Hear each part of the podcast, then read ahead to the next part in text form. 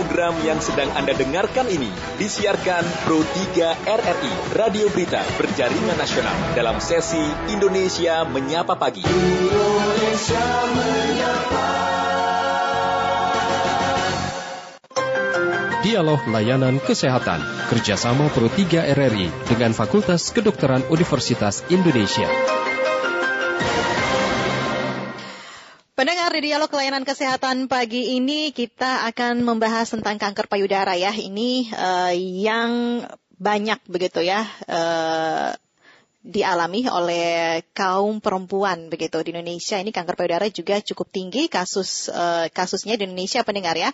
Dan kanker payudara stadium awal. Nah ini bagaimana uh, untuk langkah pencegahan dan juga untuk uh, mengantisipasi begitu ya supaya tidak makin parah ya berlanjut ke stadium 2, stadium 3 sampai di stadium 4 bahkan. Kita akan bahas bersama dengan Dr. Ahmad Kurnia uh, dari Divisi Bedah Onkologi Departemen Ilmu Bedah. Selamat pagi, Dok. Selamat pagi. Iya, kabar baik ya, Dok ya? Insya Allah baik. Ya, dok ini kanker payudara begitu ya. Ini uh, sangat diwanti-wanti sebenarnya setiap uh, perempuan ini harus waspada hmm. begitu ya terhadap kanker payudara ini ya dok ya. Iya, iya iyalah itu kan simbol wanita takut lah orang kalau kena. Mm -hmm. hmm. Nah, ini untuk uh, kanker payudara stadium awal begitu ya. Ini bagaimana hmm. nih langkah untuk uh, mengenali seperti itu uh, bahwa ini sebagai perempuan ini harus uh, berjaga-jaga seperti itu, Dok. Sekarang gini ya, kanker payudara itu adalah suatu kanker yang hanya teori katanya sih bisa dicegah. Kalau menurut saya sih nggak bisa dicegah. Kenapa itu, Dok? Karena apa? Kita ini udah dikodarkan, udah diprogram melalui Allah bakal kenapa, bakal kenapa, ya. Makanya program pencegahan yang dilakukan untuk mencegah kanker payudara nggak ada tuh. Kalau seandainya itu berhasil bedah onkologi tutup mbak, nggak ada dokter bedah tumor mbak. Jadi ya. uh, kalau untuk mencegah nah. tidak ke stadium yang uh... kalau dia mengetahui stadium awal hmm. bisa, yaitu oh. menggunakan sadari, sadani, Sadari ya, sadani itu, itu kayak gimana ya. tuh? Yang raba TP-nya diraba sebulan sekali diperiksa sendiri. Kalau ada benjolan cepet datang. Apalagi benjolan itu di atas umur 30 tahun. Karena di atas umur 30 tahun itu udah mulai nongol tuh. Hmm. Kemungkinan ganas. Ya, jadi harus cepat. Ya. Datang ke dokter yang tahu, nanti diperiksa untuk mau mengetahui kemungkinan itu ganas apa enggak. Salah satunya itu dengan pemeriksaan USG. Oke. Okay. Kalau di USG itu misalnya permukaannya enggak rata atau ada bercak perkapuran di situ dari hasil USG-nya itu kemungkinan ganas. Mm-hmm. Jadi pasiennya harus cepat datang. Dengan datang itu nanti kita olah. Hasilnya akan cukup baik dan kemungkinan payudaranya nggak usah diangkat. Ya, bahkan saya bikin buku bagaimana merubah payudara nenek jadi neneng pada saat ada kanker tumor ganas payudara atau tumor jinak payudara. Mm-hmm. Filosofinya gampang kok, Pak. Mm-hmm. Ya, kenapa cancer itu payudara tumbuh di posisi di atas umur 30 tahun itu mulai nongol tuh 25 ke 100 ribu. Yeah. Ya, kalau 20, kalau mulai nongol umur 30 tahun sebenarnya kalau kita sudah menikah payudaranya udah mulai turun tuh. Iya. Yeah. Mm-hmm. Nah, jadi kita bikin nostalgia, dia kembali lagi ke muda umur 20 tahun sebelum nikah. Kan bagus ya Mbak ya? Iya. Jadi merubah payudara nenek jadi neneng. Itu kegunaan kalau kita ketemu stadium awal. Okay. Jangan takut dengan ada COVID. Justru kalau seandainya kita menunda-nunda karena takut COVID, nanti kanker payudaranya ini akan tumbuh terus. Kalau nggak bisa dioperasi, kesian pasiennya. Dia akan menderita berkepanjangan sampai dia meninggal. Mm. Kemungkinan dia lumpuh segala macam ya. Kalau COVID nggak se ini itu kok, nggak seperti itu. Ya, ya, penderitaannya. Ya. ya paling seminggu kalau dia memang jadwal waktunya mati dia akan mati. Mm. Tapi kanker payudara ini penderitaannya berkepanjangan. Ya. Kalau ditunda kalau karena COVID dia lanjut udah kesian pasiennya. Hmm. Nah dok, ini selain uh, ada benjolan di payudara yang menjadi tanda begitu ya, nah, supaya sel kanker ini uh, tumbuh dan tidak terlambat untuk mengobatinya. Seperti ada tanda lain apa nih gejala lain yang bisa disadari oleh penderita ini dok? Biasanya berupa benjolan aja pak. Kalau payudara itu nyeri-nyeri biasa mbak. Hmm. Ya kita jangan mikirin nyerinya. Yang penting kalau nyeri dan ternyata diraba benjolan yang ganda nggak usah takut. Itu nyerinya Kita, di area mana itu? Nyerinya bisa di daerah payudara, bisa juga sampai menjalar ke lengan atau ke pundak. Mm-hmm. Ya nggak usah takut mbak, kita pikirin nikmatnya mbak dengan ada payudara nikmat. Iya tapi kalau pertama. Iya, tapi hmm. namanya kalau sudah uh, tahu itu, aduh saya kanker ini walaupun stadium awal, ya aduh gimana mau menikmati ya dok, pasti ada kepanikan begitu ya? Enggak, enggak usah panik. Allah itu udah ngasih tubuh itu sangat sempurna.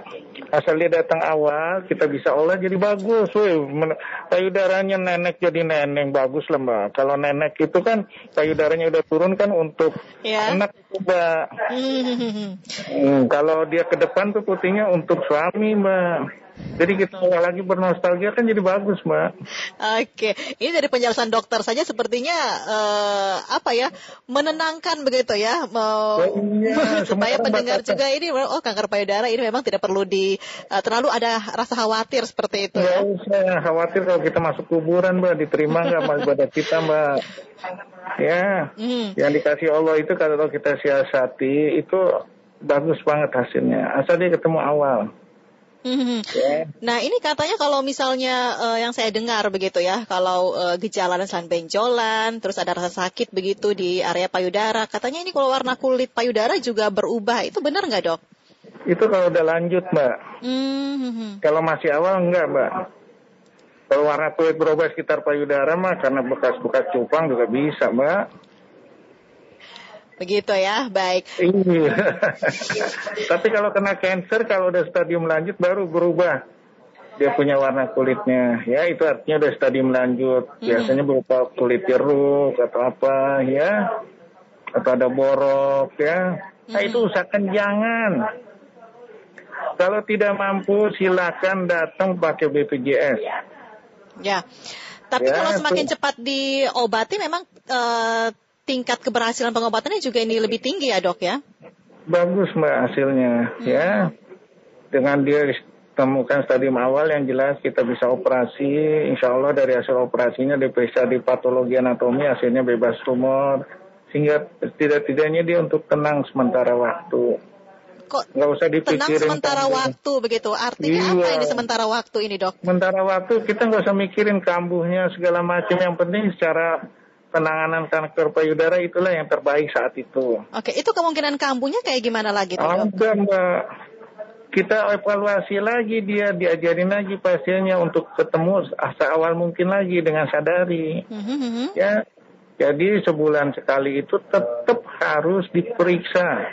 Jangan hmm. menganggap bahwa dia angkat kansernya itu udah menganggap dia nggak selamanya lagi. Hmm. Iya, tetap harus tetap waspada. Makanya pada wanita itu maaf, lokasi-lokasi yang menggoda laki-laki itu seluruhnya bisa jadi kanker tuh mbak paling banyak. Kayak payudara maaf kayak vagina bisa jadi kanker semua tuh mbak. Iya iya ya ya nggak tahu kenapa Allah ngasih seperti itu. Apa karena sering menggoda laki-laki atau apa? Wah, alam nggak tahu mbak. Ya. Oke, jadi ada terapi-terapi selanjutnya begitu ya, pemeriksaan selanjutnya. Ya, terapi selanjutnya itu. misalnya perlu kemo atau hormon ya. ya. Itu harganya kalau dia nggak sanggup pakai BPJS. Apalagi di kondisi sekarang ini COVID, ekonominya ambruk segala macam. Nggak usah takut BPJS ada.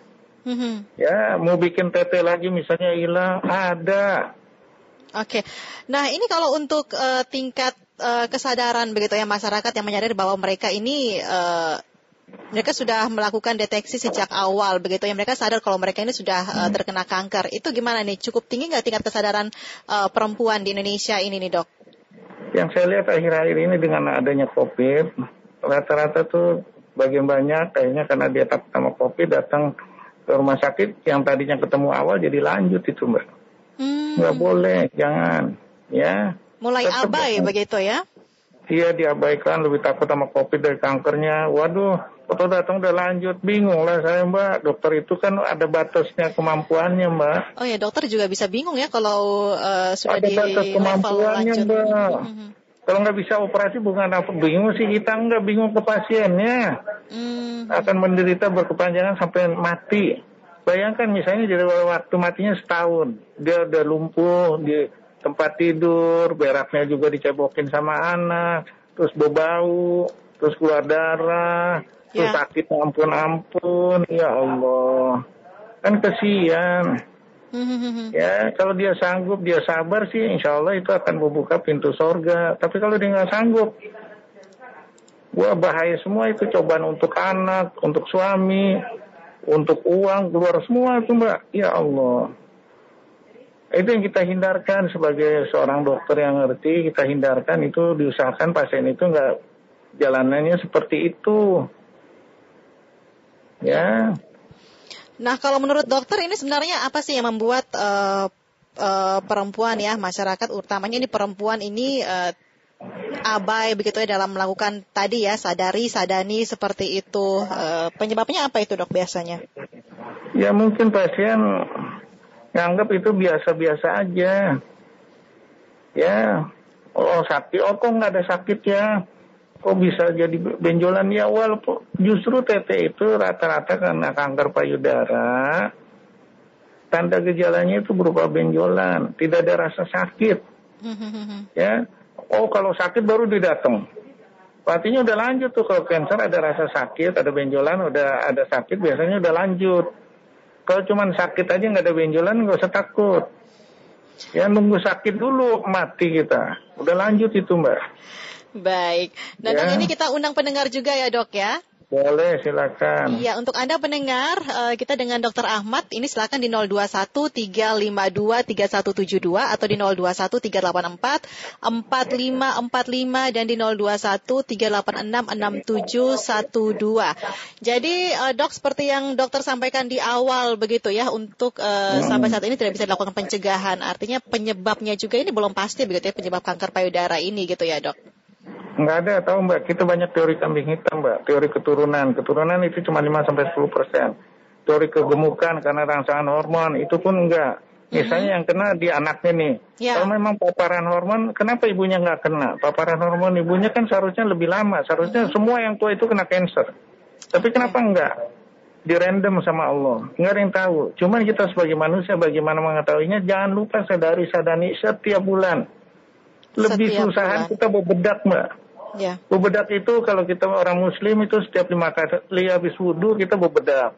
Kalau pakai gincu tuh di bibir merah itu setiap habis makan tiga kali pakai gincu. Mm-hmm. Cuman ini perisa sadari itu cuman sebulan sekali. Baik. Ini sudah ada Pak Udin nih dok ya dari Boyolali. Pak Udin. Ya, selamat pagi ya. Assalamualaikum warahmatullahi wabarakatuh. Waalaikumsalam Pak Udin. Waalaikumsalam. Ya, Yang keras dong suaranya. Pak Udin bisa dibesarkan lagi, dinaikkan lagi volume suaranya Pak Udin. Oh iya iya iya. Ya. Udah ada besar ya? Iya udah besar. Uh, sebenarnya kanker payudara itu uh, khususnya di Indonesia ya sebanyak yang sesering apa sih Pak untuk uh, wanita gitu? Gimana gimana Pak Udin? Uh, adanya uh, orang wanita yang kena kanker payu kanker payudara itu uh, sebanyak yang uh, sesering apa gitu gambarannya kayak gitu. Uh, demikian terima kasih. Wassalamualaikum. Baik Pak Udin, terima kasih Dokter Ahmad. Ini uh, mungkin kasusnya begitu ya, jumlah kasusnya ini kasusnya sebanyak. Kalau kita lihat -huh. satu dari sepuluh di luar negeri nih ya, satu dari sepuluh wanita itu resiko untuk kena kanker payudara. Uh -huh. Kalau ya, di Indonesia? Jadi cukup banyak. Ya di Indonesia katakan udahlah mau banyak mau enggak yang penting di inilah apa di di di apa diwaspadai. Ya, karena kita nggak tahu misalnya banyak ataupun apa siapa yang bakal kena kita nggak tahu. Baik. Ya, Baik. Jadi diwaspadai dengan sadari sadani itu. Ya, ini ada ya. Pak Gusti juga nih dok dari Depok. Halo, selamat pagi Pak Gusti. Waduh bapak-bapak semua ya cukup prihatin nih bapak-bapak yang peduli ibu begitu ya. Ini mungkin punya anak perempuan ibu. pada istrinya ya dok ya. Halo ya, Pak Gusti. Halo Mbak Harlin, selamat pagi Pak Dokter. Assalamualaikum Pak Dokter. Waalaikumsalam.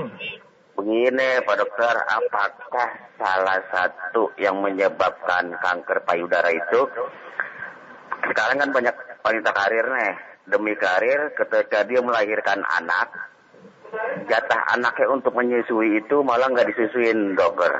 Untuk bapaknya ya, susunya ya. Disusuin malah pakai susunya susu sapi. Apakah ini salah satu penyebab kanker juga enggak, dokter? Makasih, dokter. Iya, makasih. Waalaikumsalam, Pak Gusti. Ya. Jadi gini ya, itu kanker itu semuanya ditumpuk-tumpuk dianggap itu sebagai penyebab. Mm-hmm. Padahal kalau kita lihat itu enggak 100 persen. Misalnya orang yang nggak menyusui akankah 100% menderita kanker payudara? Enggak. Paling kisaran antara 5 sampai 10 persen. Mm-hmm. Ya. Terus misalnya keturunan itu 5 sampai 10 persen. Teori misalnya makanan-makanan yang berlemak itu antara kisaran segitu. Jadi ditumpuk-tumpuk. Tapi hasil tumpukan itu kalau kita uji coba ke 10 wanita kita jejerin, bakalkah kita tahu itu akan menjadi kanker? nggak ada yang tahu. Nah kalau nggak ada yang tahu, udah sadari, sadani itu yang penting. Ya, jangan kita takut kayak Angela Jolie takut dia diperiksa ada gen keturunan, hmm. terus sebelum terjadi kanker diangkat tuh tetenya. Datanya dia bilang 85% akan terlindungin.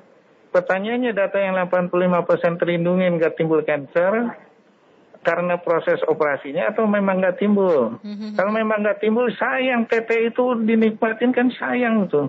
Harus dibuang percuma, belum terjadi apa-apa, dibuang sayang. Itu teorinya menurut saya nggak benar.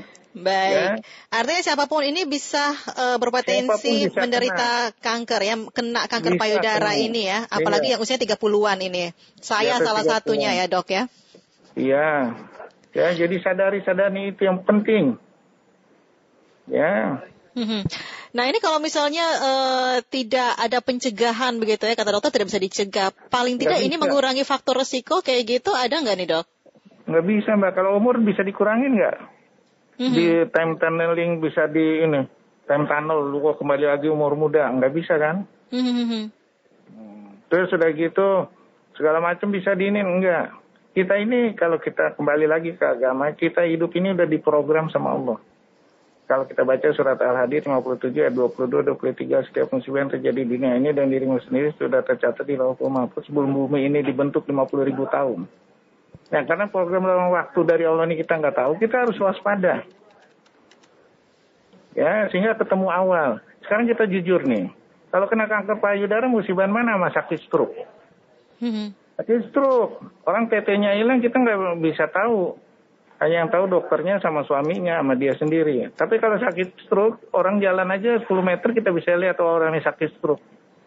Menderitanya lebih berkepanjangan. Dan itu nggak bisa dicegah juga.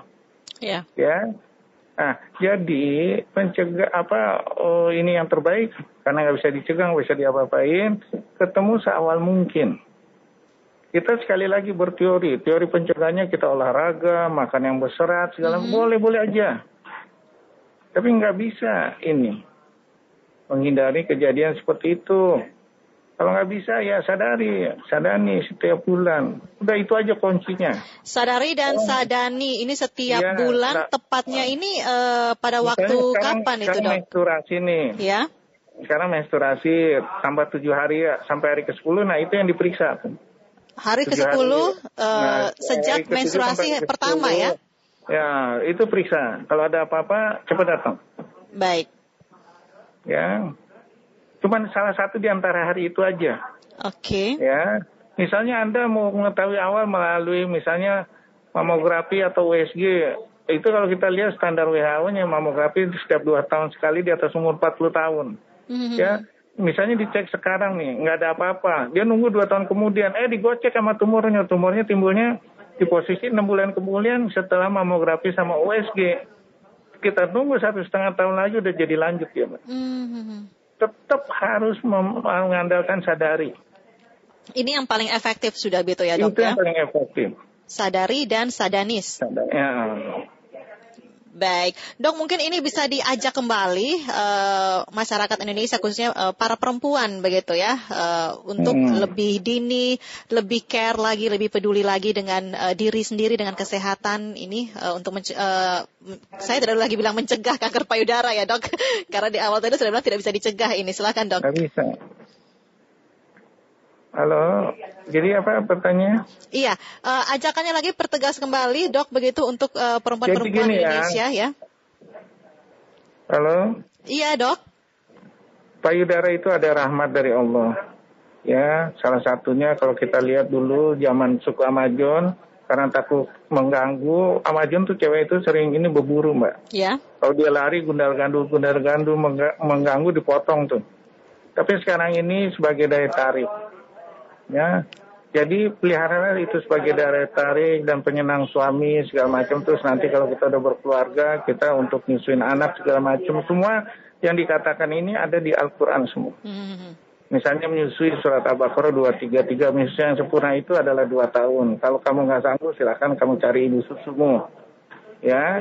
Nah, jadi itu pakai hikmahnya. Dan untuk menghindar dan kita nggak bisa mencegah Ya, cuma kita bisa melakukan itu menemukan seawal mungkin.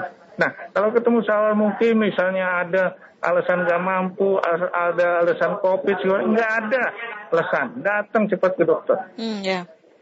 Ya, Baik. itulah yang terbaik.